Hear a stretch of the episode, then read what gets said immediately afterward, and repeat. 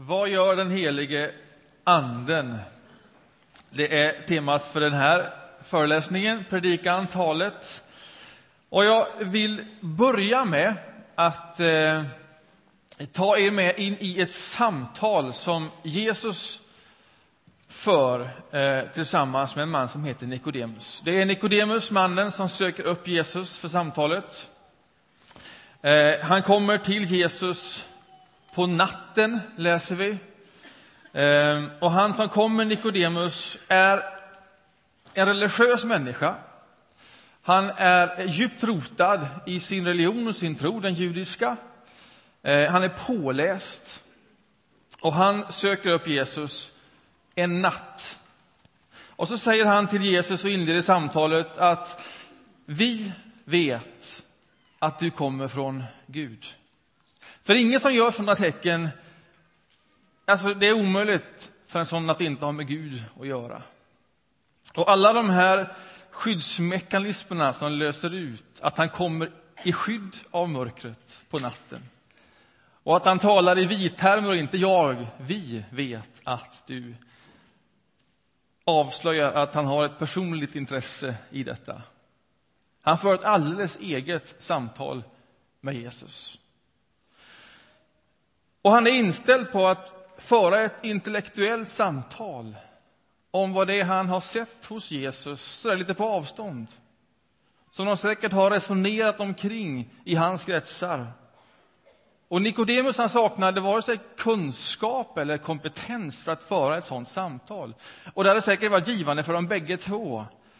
Och ännu mer för oss som har fått lyssna och ta del av det i efterhand. Han kommer i skydd av mörkret för att samtala med Jesus. Och Jesus möter i samtalet på ett abrupt sätt och på ett för honom alldeles oväntat sätt.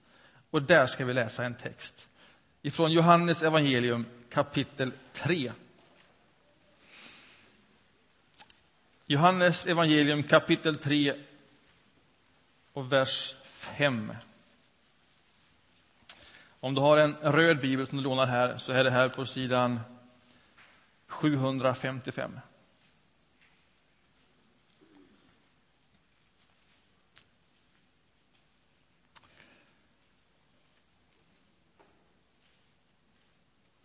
Jesus svarade, sannerligen, jag säger dig, den som inte blir född på nytt kan inte se Guds rike. Nikodemus svarade, hur kan någon födas när han är gammal?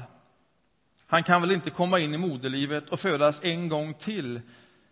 Jesus svarade, sannerligen jag säger dig, den som inte blir född av vatten och ande kan inte komma in i Guds rike. Det som har fötts av kött är kött och det som har fötts av ande är ande. Var inte förvånad över att jag sa att ni måste födas på nytt. Vinden blåser vart den vill och du hör den blåsa, men du vet inte varifrån den kommer eller vart den far. Så är det med var och en som har fötts av Anden. Detta var för Nikodemus helt oväntat. Det var inte den sortens intellektuella samtal han var inställd på. Jesus liksom byter arena och lockar Nikodemus in på den arenan, en andlig arena. Och vad Jesus gör är att han använder en bild, en metafor, för någonting mänskligt som Nikodemus och som vi känner igen, har bilder och begrepp för, för att förklara någonting annat, någonting andligt.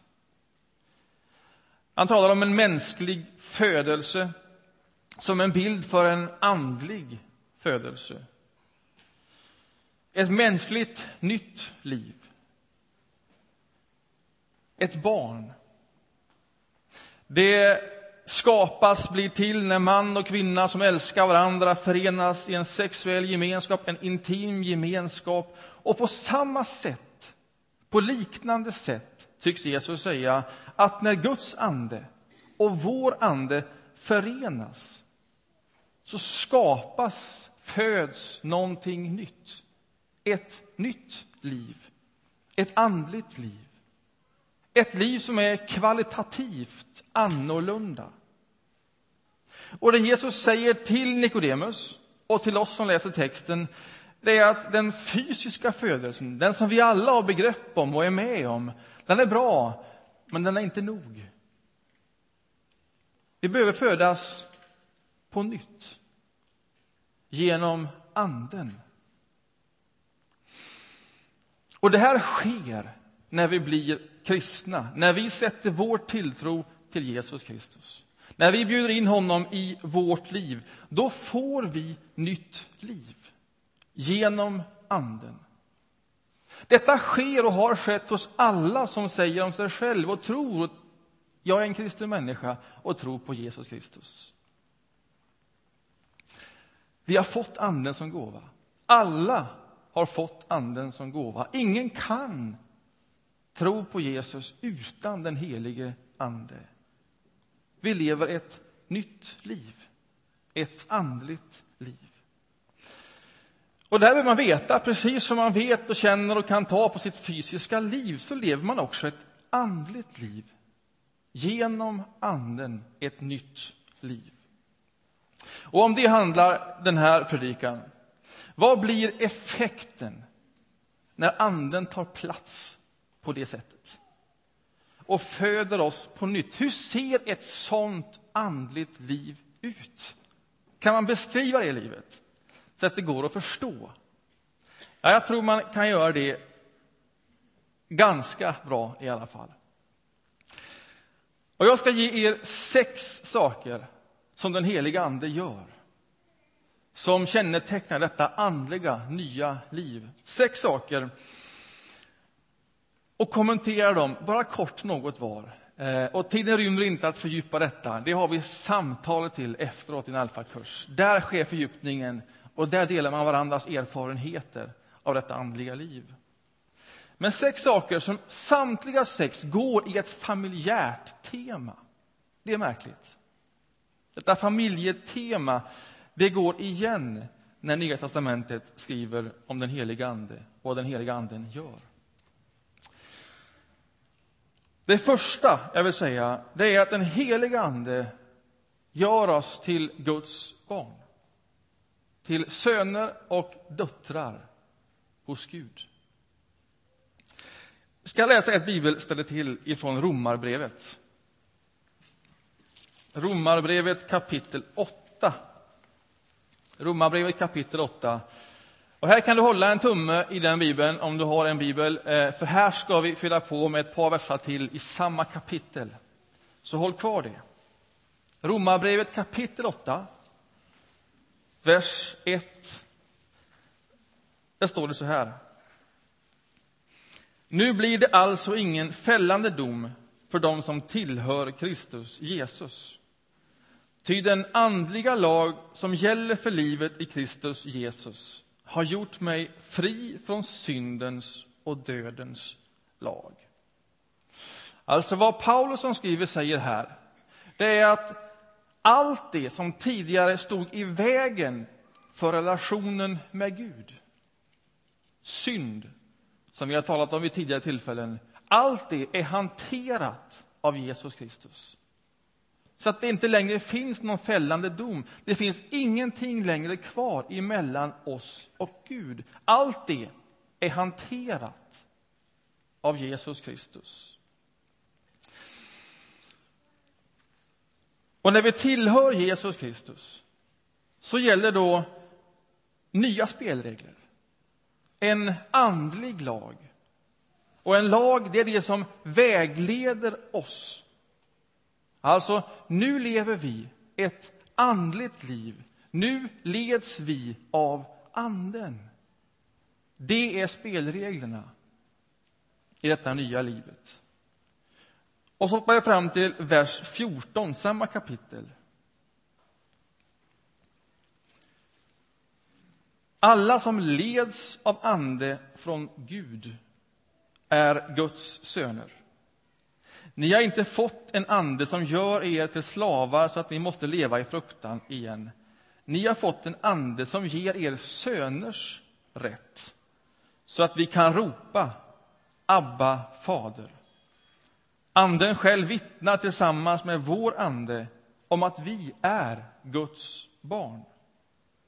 Men är vi barn, då är vi också arvingar, Guds arvingar och Kristi medarvingar om vi delar hans lidanden för att också få dela hans härlighet.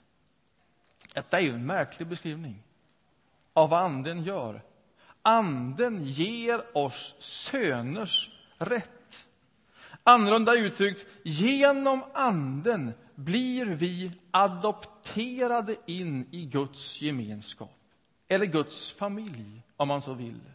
Fader, son och ande.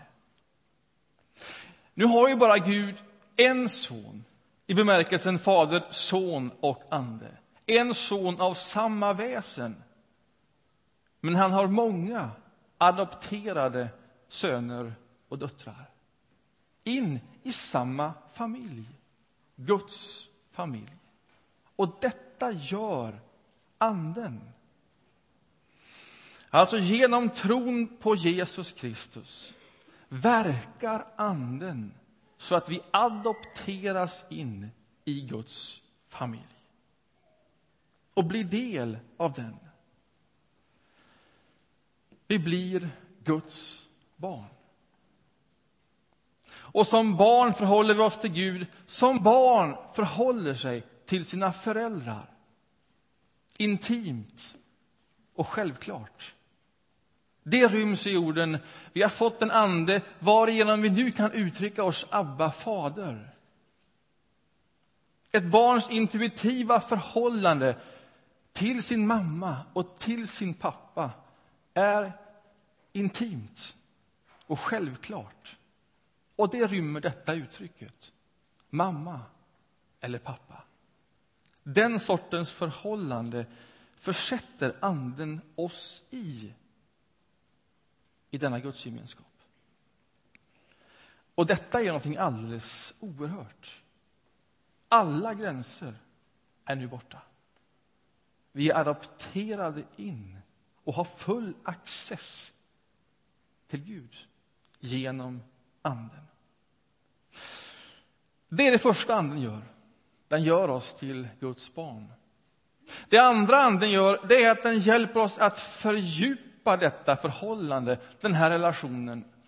Alltså, även om man är en familj som består av givna relationer så är det ju inte givet att de relationerna fördjupas av sig själv bara för att man är en familj. Det vet vi ju alla. Att det där kräver ett arbete, att relationen behöver underhållas och fördjupas. Och att det görs genom kommunikation vilket kan se ut på många olika sätt. Kärleken har många olika språk. Och så länge man talar med varandra, till varandra och lyssnar på varandra på kärlekens många olika språk så finns det hopp för varje relation. Men när man slutar tala med varandra, ja men då, då är faran värt att det dör ut. En relation är beroende av kommunikation. Jag såg en intervju med Hillary Clinton för ett tag sedan och hon fick frågan rakt av av den som intervjuade henne om hon älskade sin make Bill Clinton. Det här var en ganska turbulent tid och hon fick frågan och vad svarar man när man sitter med kameran rakt i ansiktet på en sån fråga och hela världen lyssnar? Och så säger hon, och så nämner hon först ett årtal som jag tror var på 60-tal eller möjligen 70-tal. Att det årtalet, då inledde, då inledde vi en, eh, en konversation. Och den pågår fortfarande. Ett rysligt bra svar. Då inledde vi en konversation och den pågår fortfarande, ja, då finns hopp för allt. Och vad Anden gör är att den hjälper oss och stödjer oss i denna konversation med Gud. Vi är kvar i Romarbrevet, kapitel 8. Och nu är vi på vers 26. På samma sätt är det när Anden stödjer oss i vår svaghet. Vi vet ju inte hur vår bön egentligen bör vara, men Anden vädjar för oss med rop utan ord. Och han som utforskar våra hjärtan vet vad Anden menar eftersom Anden vädjar för de heliga så som Gud vill. Genom Anden har vi full access till Gud. Alltid.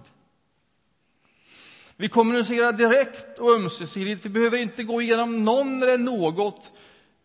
Men hur gör man det? Hur talar man så direkt till Gud? Ja, Anden hjälper oss med detta. Anden leder oss med detta så att djup kan ropa till djup. Anden vet hur vi bör be. Och den leder oss i detta. Och vi kan lära oss att lyssna till Anden och på så sätt fördjupa vår konversation med Gud och fördjupa relationen med Gud. Och det Anden också gör det är att den hjälper oss att förstå Guds ord så att det blir verkligt och levande. Paulus han ber till församlingen i Efesos om vishetens och uppenbarelsens ande som låter oss få kunskap om Gud. Ja, hur ska man förstå detta? Ibland är det bara stängda ord. Men då kan vishetens och uppenbarelsens ande hjälpa oss att förstå och få kunskap om Gud genom detta ord. Ja, men det står ju det. Det är tillgängligt för vem som helst. Ibland behöver man ändå få upp ögonen. Må han ge ert inre öga ljus, ber Paulus. Ibland kan man se målningar utanpå en kyrka. Vackra målningar i färg som oftast beskriver ja, någon berättelse tagen ur evangelierna. Om man står utanför och man ser berättelsen i bilderna och det är vackert och det går att intellektuellt ta det till sig. Och så går man in i kyrkan. Och så ser man samma berättelse, samma bilder, samma konstverk, men nu inifrån kyrkan, som det är tänkt. Så att ljuset utifrån lyser genom dessa vackra rutor och beskrivningar och berättelser så att färgerna sprakar och lever och det blir levande på ett annat sätt. Så kan Guds ande ge vårt inre öga ljus så att när vi ser samma berättelser inifrån så lever de på ett annat sätt. Anden hjälper oss att förstå och göra levande.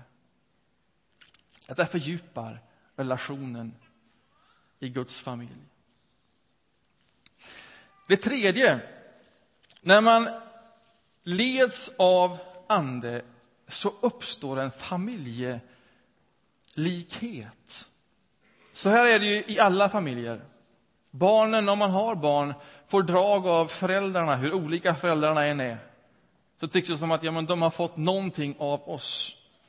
Så säger man om mina barn, vad syskonlika de är. Och vad lik dig de är. Och jag kan ha svårt att se likheten så där på utsidan. Men så finns det alldeles uppenbara likheter. Där det är helt klart att det här är mina barn. Och det är på morgonen när jag ska väcka min son, fyra år. Och han är omöjlig att väcka. Han är omöjlig att väcka.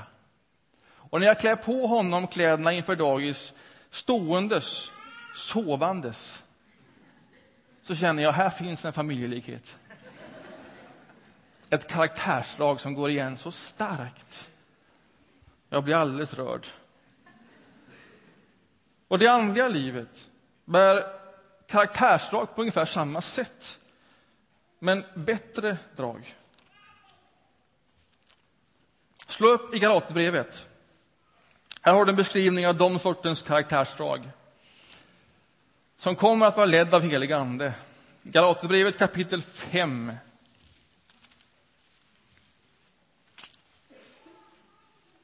och vers 22.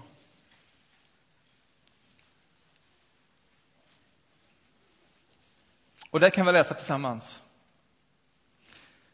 Galaterbrevet kapitel 5 och vers 22. Och vi läser tillsammans. Men Andens frukter är kärlek, glädje, frid, tålamod, vänlighet, godhet, trofasthet, ödmjukhet och självbehärskning. Mot sådant vänder sig inte lagen. Det som tillhör Kristus Jesus har korsfäst sitt kött med alla dess lidelser och begär. Om vi har andligt liv, låt oss då följa en andlig väg. Låt oss inte bli inbilska, inte utmana varandra, inte avundas varandra. Och det är väl för väl att de orden och den listan på karaktärsdrag avslutas med orden om att inte avundas varandra. Att inte jämföra sig med varandra när det kommer till kärlek, glädje, tålamod, bara en sån sak. När vi har vår egen utgångspunkt och vi har vår egen personlighet genom detta verkar Anden. Ha respekt för det. Vet det. Du har din väg och jag har min väg. Och den stora och intressanta frågan är vad händer med mig jämfört med mig? Det är ju en intressant fråga. Inte vad händer med mig jämfört med Ingmar Fager. Hans tålamod kommer alltid vara större än mitt.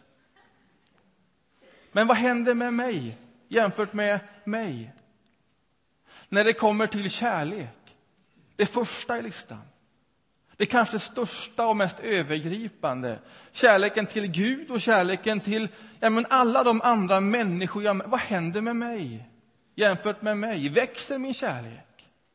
Leds jag av Ande? Det andliga livet uttrycker sig genom det alldeles vanliga mänskliga mellanmänskliga. Leds jag där av Ande? Vad händer med kärleken?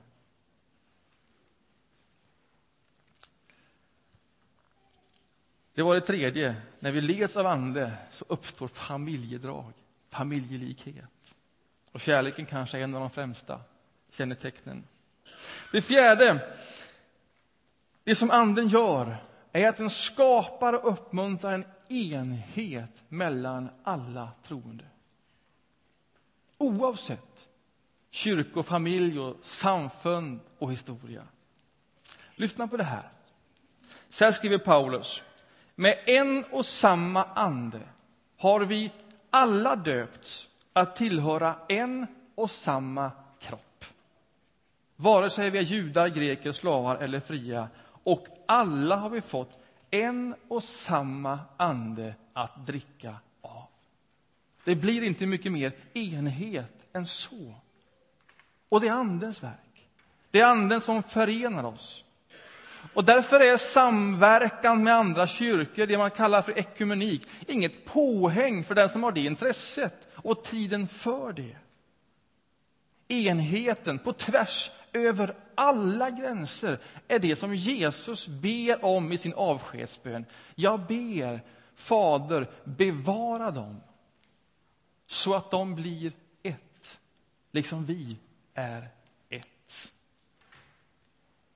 Och så känner väl varje förälder och syskon i en familj att man vill familjens enhet. Som inte behöver betyda att man tycker lika och tänker lika om allting, men att det i grunden råder en enhet. Vi är i grunden ett, en familj. Och vi möts gärna, åtminstone nu och då, för att manifestera det. Sen är det inte alltid enkelt. Och den kyrkans historia vittnar om att det inte är enkelt. Med alla dessa olika kyrkofamiljer och traditioner och kyrkohistorier och samfund. Och det i sig är ju en tragik. Kanske att det inte är historiskt helt onödigt, vem vet? Men i sig är det en tragik att enheten inte är större än så i kyrkan. Men när vi möts på tvärs, över alla konstruerade gränser, när vi möts och manifesterar det som vi redan är, ett. Vi dricker alla av en och samma ande. Ja, men då är det någonting tjusigt. Då är det ett tecken för det som är. Så när vi till exempel varje nyårsdag möts i gemensam gudstjänst i domkyrkan, alla kyrkor, utan begränsningar, utan gränser, för att börja ett helt nytt år inför Gud tillsammans, ja, men då är det en manifestation av någonting som redan är. Att Anden har gjort oss till ett. Det är utgångspunkten och inget påhäng. Vi är, trots vår olikhet, en familj. Det anden också gör, det femte, det är att den ger gåvor och förstärker begåvningar till alla i familjen. Så här är det också i en vanlig familj. Man njuter av att se sina barn växa upp och man anar olika begåvningar och talanger. Där finns någonting konstnärligt. Det vill man uppmuntra och skapa förutsättningar för att man ska kunna blomma ut i det ännu mer. Så är det också i den här familjen, i Guds familj. Här växer vi upp till olika begåvningar och får olika gåvor. Och Gud vill uppmuntra dig och skapa förutsättningar för dig att växa i din begåvning i den här familjen. Och här finns det många olika listor där det räknas upp barmhärtighet, ledarskap, gåvan att dela med sig frikostigt, att uppmuntra, gåvan att förkunna, gåvan att tala profetiskt, gåvan att tala i tungor.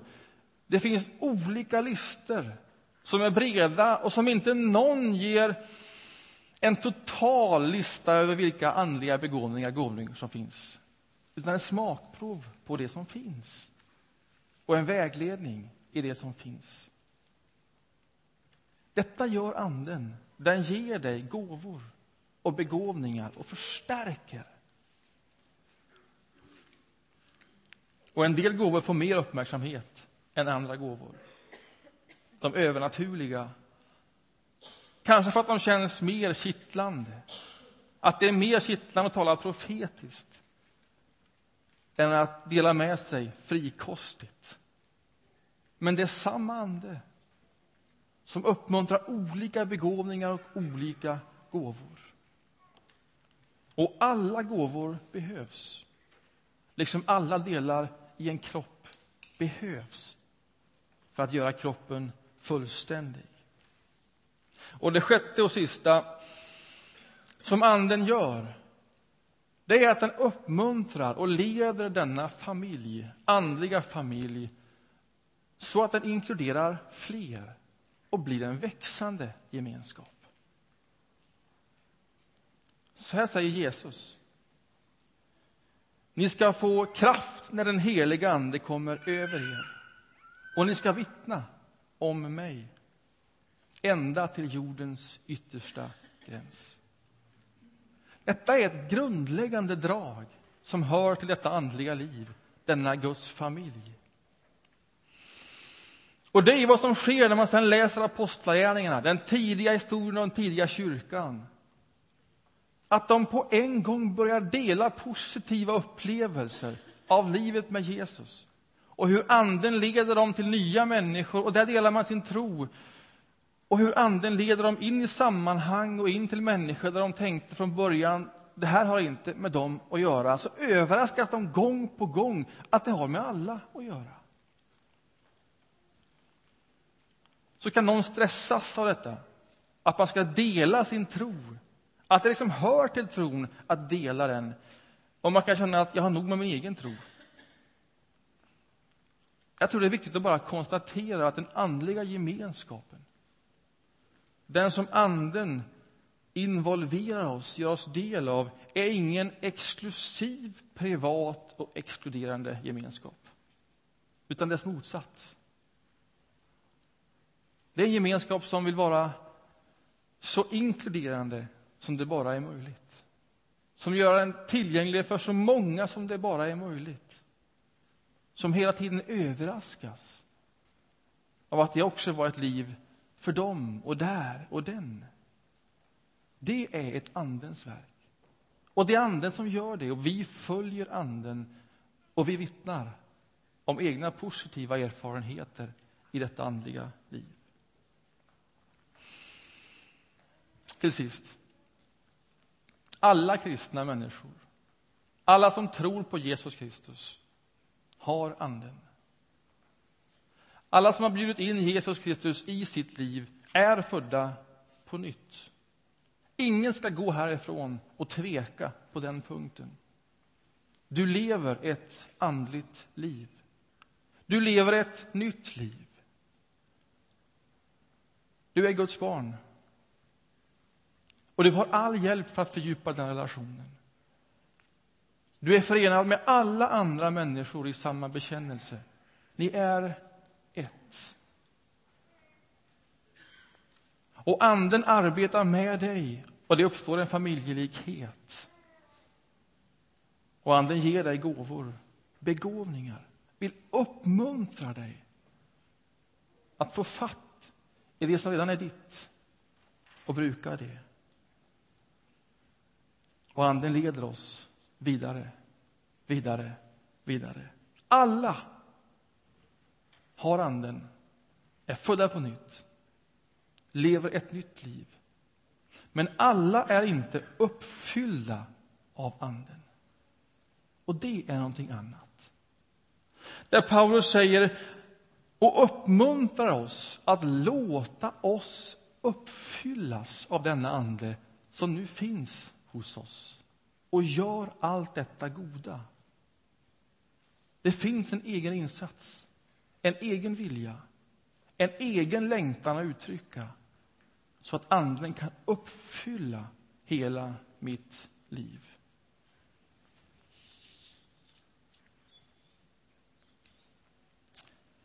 Det handlar hela nästa söndags predikan om. Jag vill bara avsluta med ett bibelord till sist. Och sen stänger vi för nu. Förra gången började vi Mosebok. Första Mosebok, i skapelsens början, där Anden finns med från början. Och sen finns Anden genom hela den bibliska historien och på det sätt som vi idag beskrivit. Och sen i Bibelns sista bok, sista kapitel, där finns Anden också. Och alldeles tydligt bjuder in till sitt eget verk. Och där läser vi från kapitel 22 och ifrån vers 17 så här. Och anden och bruden säger kom.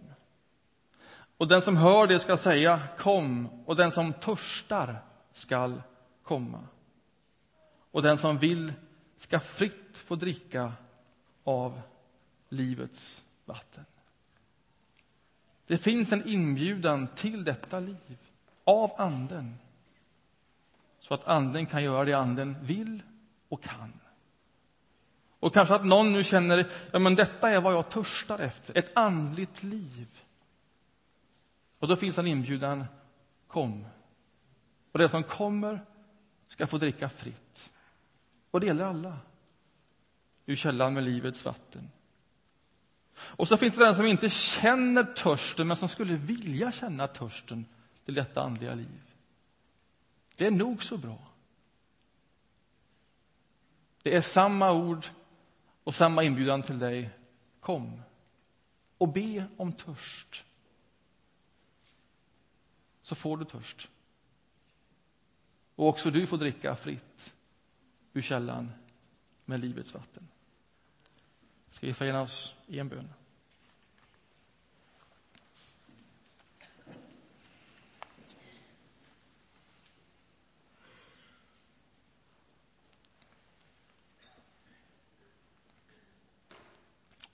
Herre, tack för ditt ord, det som vi har läst, det som vi inspireras av.